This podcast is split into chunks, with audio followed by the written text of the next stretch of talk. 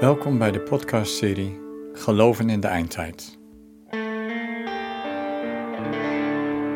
Mijn naam is Gijs Lammerts van Buren en in zeven afleveringen neem ik je mee naar Houvast in de Bijbel voor onzekere tijden over de toekomst van de wereld. Aflevering 7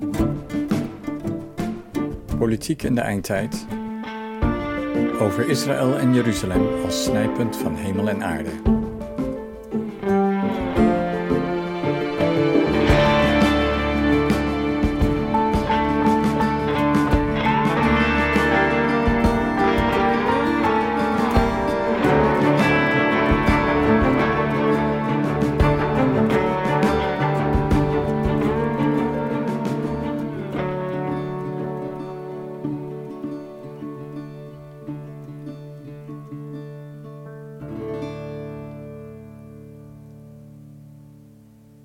Ieder land krijgt de regering die het verdient. Dat is een citaat van Joseph Lemaitre, een Franse politicoloog eind 18e, begin 19e eeuw.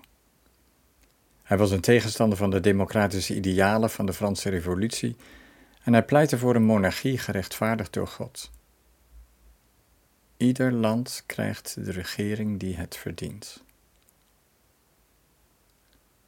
Een one-liner die in deze podcast de vraag oproept hoe God aanwezig is in de wereldpolitiek. Nu om te beginnen, de Bijbel staat vol van Gods bemoeienis met de politiek van Israël. Maar ook in het Nieuwe Testament, wanneer het Evangelie zich over het Romeinse Rijk verspreidt, lezen wij over de relatie tussen God en politiek gezag. Er zijn met name vier Bijbelgedeelten in het Nieuwe Testament waar christenen worden opgeroepen de overheden op aarde te respecteren als door God aangesteld. Deze teksten staan in Romeinen 13, 1 Timotheus 2, Titus hoofdstuk 3 en 1 Petrus 2. Ik lees even voor uit Romeinen 13. De overheid staat in dienst van God u moet haar gezag dus erkennen. Einde citaat. Je kan wel begrijpen dat deze tekst veel vragen oproept als de overheid niet bepaald rechtvaardige politiek bedrijft. Dat kan gezegd worden van de Romeinse overheid in de tijd van deze brief. Maar sindsdien zijn er tal van voorbeelden van slechte overheden die hun onderdanen onderdrukken, uitbuiten en weerhouden van het aanbidden van God. Maar deze en parallele teksten maken niet God verantwoordelijk voor al het politieke handelen.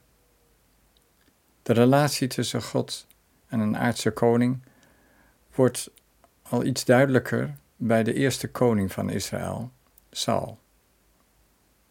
Deze is overduidelijk door God uitgekozen, aangesteld, en we kunnen zelfs lezen dat God zijn hart in positieve zin veranderde voor zijn taak.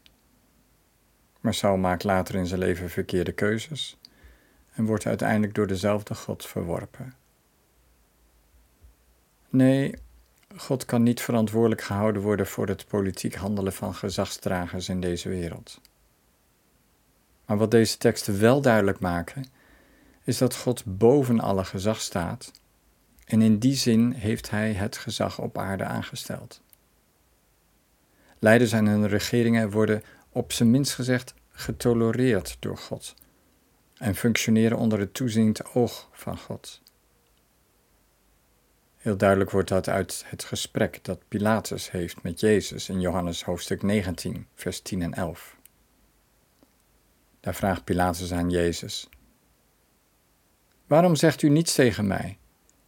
Weet u dan niet dat ik macht heb om u vrij te laten of u te kruisigen? En Jezus antwoordt dan: De enige macht die u over mij hebt, is u van boven gegeven. Einde citaat. Ja, God is aanwezig in de wereldpolitiek, maar hoe blijft een geheim. Het blijft verborgen. Want iedereen, ook door God aangestelde gezagsdragers, blijft zelf verantwoordelijk voor zijn handelen. Toch kunnen ja, moeten we meer kunnen zeggen over Gods aanwezigheid in de politiek?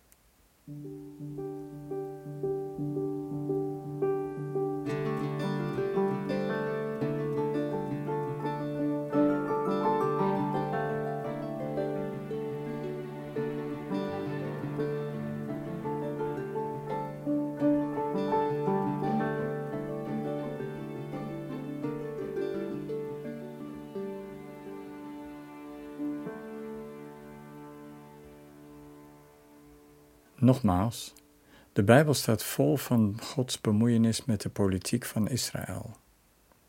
Hij heeft zich eerst en vooral aan Israël laten zien en horen. Je zou het zo kunnen zeggen dat Israël het snijpunt is van hemel en aarde. En dan denken we aan Gods wonderlijk handelen in de bevrijding van Israël uit de slavernij van Egypte we denken dan aan Gods spreken tot het hele volk Israël bij de berg Sinaï, in de tijd van de wetgeving, de Torah. En aan God spreken door Jezus Messias, zijn onderwijs, lijden en sterven en opstaan. Maar nu, met het oog op de eindtijd, is met name het Jeruzalem van dit Israël, dat het snijpunt is van hemel en aarde. Jeruzalem. Iedereen die een foto ziet van de stad met de gouden rotskoepel herkent de stad Jeruzalem. Bijzonder, want het is juist die rotskoepel die de rots Moria bedekt, de rots of berg waar volgens de moslims Allah voorkwam dat Abraham zijn zoon Ismaël offerde. Volgens de Bijbel was het God die Abraham tegenhield om Isaac te offeren en vervolgens zelf voorzag in een ram als brandoffer. Die rots was ook de plaats waar de eerste en de tweede tempel gebouwd werd. Dat was volgens Deuteronomium hoofdstuk 12 de enige door God uitgekozen plaats waar offers gebracht mochten worden. Het is de plaats waar de priesters onderwijs gaven uit het wetboek, de Torah. Maar ook Gods politiek handelen werd daar zichtbaar. Niet alleen in zegen, maar ook in vloek. We kunnen niet anders dan met ontzag en vrees in de Bijbel lezen hoe God na de afval van Israël koningen en legers stuurt om Jeruzalem met haar tempel te vernietigen. Dat gebeurde met de eerste tempel, maar later ook met de tweede tempel. Zoals ik ook in de eerste podcast van deze serie heb gezegd, profeteerde Jezus wel vijf keer over de verwoesting van de Tweede Tempel. En dat drama vond dan ook plaats in 70 na Christus door de Romeinen. Maar Jezus had al aangegeven dat de verwoesting opnieuw de uitvoering van het oordeel van God was. Zo werd Gods verborgen aanwezigheid in de politiek van Israël opnieuw op een huiveringwekkende manier zichtbaar. Maar de machthebbers met hun legers, die als het ware het oordeel van God over Jeruzalem uitvoerden, blijven zelf ook verantwoordelijk voor hun handelen. Luister maar even naar Zacharia hoofdstuk 1, de versen 14 tot en met 16. Dit zegt de Heer van de hemelse machten. Brandend van liefde neem ik het op voor Jeruzalem en Sion. En ziedend van woede ben ik op de zelfgenoegzame volken. Ik had mijn toren immers alweer laten varen, maar zij hebben mijn volk steeds harder aangepakt. Daarom, zegt de Heer, keer ik vol erbarmen terug naar Jeruzalem. Einde citaat. Menselijkerwijs zou je kunnen zeggen dat God opdracht gaf Israël en Jeruzalem te veroveren, maar dat de legers te ver zijn gegaan. En inderdaad weten wij van het vrede optreden van de Assyriërs en later ook van de Romeinen in 70 na Christus. Maar hoe God daarin roept en stuurt, blijft een mysterie. We zullen nooit precies de vinger kunnen leggen op de wijze waarop God aanwezig is en regie heeft in de wereldpolitiek. Maar duidelijk is wel dat de volken hoe dan ook op hun handelen met Israël en Jeruzalem worden aangesproken.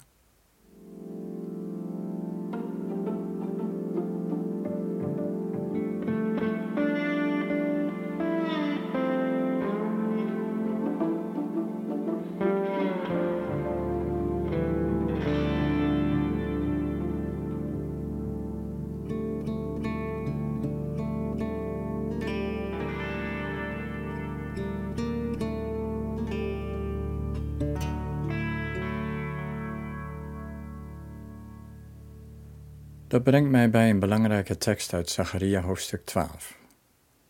Voor de duidelijkheid even in mijn eigen vertaling, het derde vers. Ik zal Jeruzalem stellen tot een lastige steen voor alle volken. Het Hebreeuwse woord dat ik hier vertaal met lastig heeft in het Hebreeuws de klank massa en doet denken aan de geschiedenis in Exodus 17, waar het volk Israël klaagt dat er geen water is en God beproeft door als het ware te zeggen: Is de Heer nu in ons midden of niet? Zo wordt Jeruzalem een lastige steen, een toetssteen voor de volken. Zien en erkennen de volken dat het snijpunt van hemel en aarde de stad Jeruzalem is?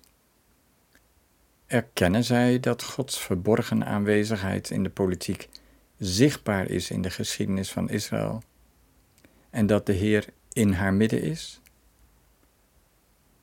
Maar erkennen de volken ook dat Gods spreken tot de mensheid hoorbaar wordt in Jeruzalem? Prachtig hoe dat in het visioen van Jesaja 2 geprofeteerd staat. Ik lees de versen 2 tot en met 4. Alle volken zullen daar samenstromen.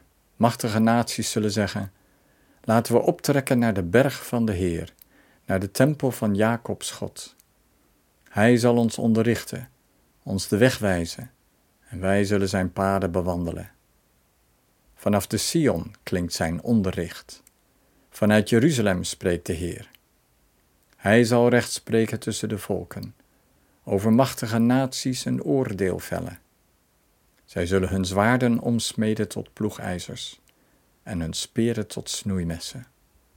Geen volk zal nog het zwaard trekken tegen een ander volk. Geen mens zal meer weten wat oorlog is. Einde citaat. Als wij iets kunnen zeggen over Gods verborgen aanwezigheid in de wereldpolitiek, dan is dat altijd met het oog op Israël en Jeruzalem. Het betekent niet dat wij kritiekloos het politiek handelen van Israël moeten volgen. Israël blijft zelf verantwoordelijk voor zijn daden. Maar als christenen weten wij dat Gods verborgen aanwezigheid juist daar zichtbaar wordt. En dat zou ons toch vooral oplettend en bescheiden moeten maken in het oordeel over Israël en ons tot voorbeden brengen voor dit volk, waarin God zich telkens weer openbaart. En ook de volken zouden er goed aan doen niet zomaar aan Israël en de stad Jeruzalem te komen. En eerst te kijken naar hun eigen onrecht voordat zij Israël veroordelen. God heeft zich aan dat volk verbonden. Hij heet de God van Israël. En Jeruzalem is de stad die God heeft uitgekozen om daar de aarde te raken. En dat brengt mij bij de Olijfberg de berg ten oosten van Jeruzalem. Opnieuw het snijpunt van hemel en aarde. Het is natuurlijk de berg van waar Jezus naar de hemel ging, maar ook de berg waar hij terug zal keren. En niet alleen lezen wij dat in Handelingen 1, maar al eerder in Zacharia. Ik lees enkele regels voor uit het begin van Zacharia 14. Er komt een dag dat de Heer zal ingrijpen, Jeruzalem. Die dag zal hij zijn voeten op de olijfberg planten, ten oosten van Jeruzalem. De olijfberg zal in tweeën splijten. De ene helft glijdt weg naar het noorden en de andere naar het zuiden, zodat er een breed dal ontstaat van oost naar west. En de Heer zal koning worden over de hele aarde. Dan zal de Heer de enige God zijn en zijn naam de enige naam. Einde citaat. Deze profetie sluit aan bij Openbaring 21, waar het nieuwe Jeruzalem uit de hemel neerdaalt en de Heer zelf op de nieuwe aarde zal wonen. En in Openbaring 22, het laatste hoofdstuk, lezen we over het geboomte van het leven, waarvan de bladeren tot genezing van de volken zullen zijn. Magnifiek, groots, hoopvol. Maar nog even terug naar Zacharia 14. Dat eindigt met de aankondiging van het Loofhuttenfeest voor alle volken. En als laatste lees ik voor uit Zacharia 14 en nu vers 16. De overlevenden van de volken die Jeruzalem hebben belaagd, zullen dan jaarlijks naar de stad komen om de Heer van de hemelse machten als koning te vereren en het Loofhuttenfeest te vieren. Einde citaat. Het Loofhuttenfeest is behalve een oogstfeest ook het feest waarin Israël de zorg en voorzienigheid van God gedenkt ten tijde van de tocht door de woestijn op weg naar het beloofde land. De Joden maken elk jaar nog steeds voor dit feest gammele hutten en realiseren de kwetsbaarheid van het leven en hun afhankelijkheid van de genade van God. Een bijzonder feest dat in onze onzekere tijden extra betekenis krijgt. Wie deze God aanroept, kan rekenen op uitredding en zorg. Dankzij de God van Israël is er hoop voor deze wereld.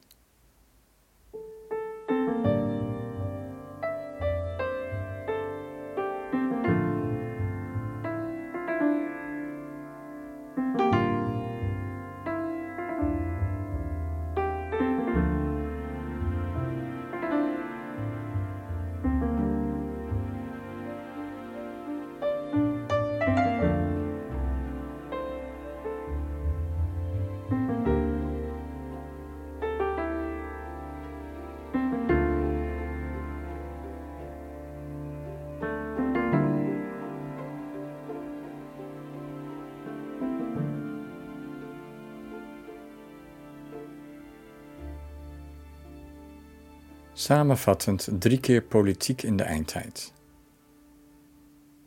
1. God is voluit betrokken in de wereldpolitiek. Maar zijn aanwezigheid is verborgen. En de leiders van deze wereld blijven zelf verantwoordelijk voor hun handelen. Ons gebed voor de overheden is dus niet te vergeefs. 2. In de geschiedenis van Israël en Jeruzalem wordt Gods verborgen aanwezigheid het meest zichtbaar. Kerk en wereld doen er goed aan te erkennen dat daar de hemel de aarde heeft geraakt en opnieuw zal raken. 3. Jeruzalem zal uiteindelijk ook de plaats van genezing van de volken zijn, de plaats van het grote feest, Loofhutten er is hoop voor deze wereld, dankzij de God van Israël.